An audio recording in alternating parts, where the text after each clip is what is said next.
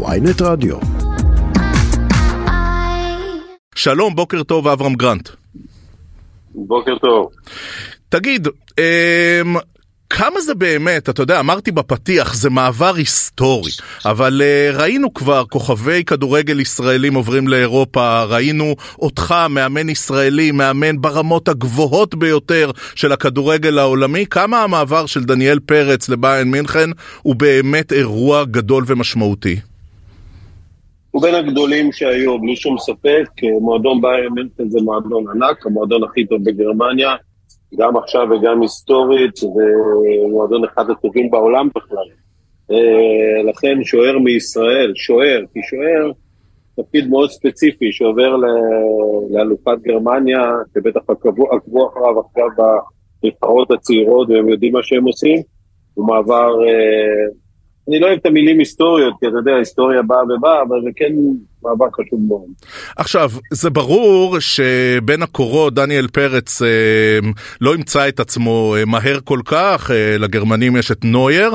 אה, ההימצאות שלו על הספסל, אבל עדיין בתוך המערכת של ענקית הכדורגל הבווארית, זה דבר נכון מבחינתו בשלב הזה של הקריירה, או שצריך להתעקש לשחק, לשחק, לשחק?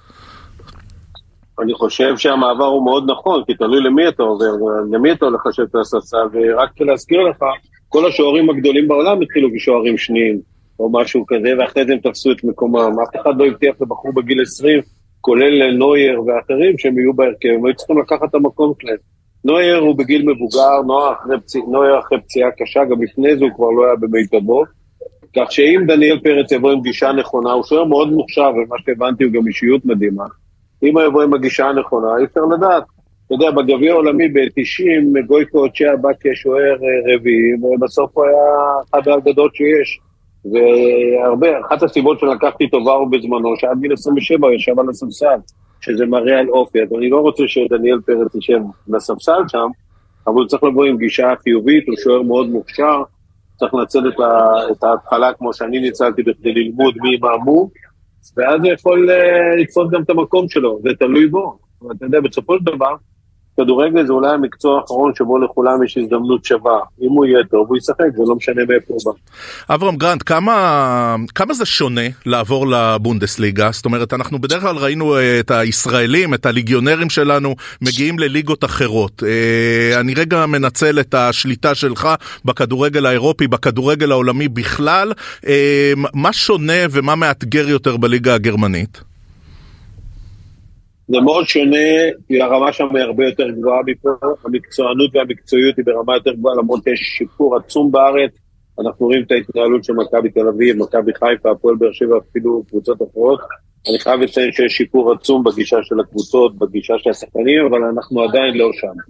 אם מותר להגיד אנחנו, עדיין לא שם. אנחנו בדרך, אבל uh, מי שנמצא באירופה וחי את הקבוצות, אני עכשיו, דרך אגב, חוזר בדיוק ממונדיאל הנשים, שזה אירוע שלא חוויתי אותו בעבר, אצטדיונים מפוצצים עד אפס מקום, כל הכדורגל הוא בתזוזה קדימה, אה, אני מקווה שאנחנו נדביק את הפער לאט לאט, אבל זה כדורגל אחר, זו רמה אחרת, זו התייחסות אחרת, זה קצב אחר, הוא יתמודד נגד שחקנים שהוא לא יכול להתמודד איתם בארץ, הם לא ברמה של השחקנים בארץ, והוא צריך להסתגל, אבל ישראלים מסתגלים, תראה, אייל ברקוביץ', חיים רביבו, יוסי בניון, שחקנים ששיחקו בקבוצות בליגות גבוהות מאוד, ועוד אם שכחתי אחד או שניים שהזכרו, לרוני רוזנטל שהביא אליפות, זה תלוי בו.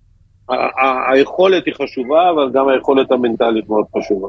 כמה, כמה זה משמעותי עבור uh, נבחרת ישראל? אתה אימנת כמובן בעבר את נבחרת ישראל, ובמידה רבה uh, דניאל פרץ הוא, הוא שוער העתיד. כמה הדבר הזה הוא uh, משמעותי עבור uh, נבחרת ישראל, גם במידה והוא uh, לא ישחק אלא יושב על הספסל?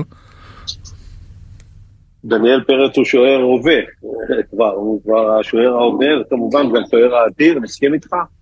Uh, בגלל שזה שוער והוא התמודד עם הרמות הגבוהות ביותר, ואני מניח שוערים היום ברמות האלה נותנים להם לשחק במשחקי גביע, משחקים פחות חשובים, ואז אם הוא יוכיח את עצמו, אי אפשר לדעת מה יהיה איתו.